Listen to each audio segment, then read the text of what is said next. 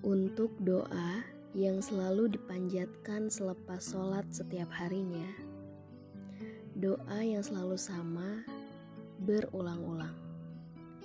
Jangan pernah lelah untuk mengulanginya lagi dan lagi. Jangan pernah lelah. Allah mendengar doa-doamu. Tetaplah berdoa, jangan pernah lelah.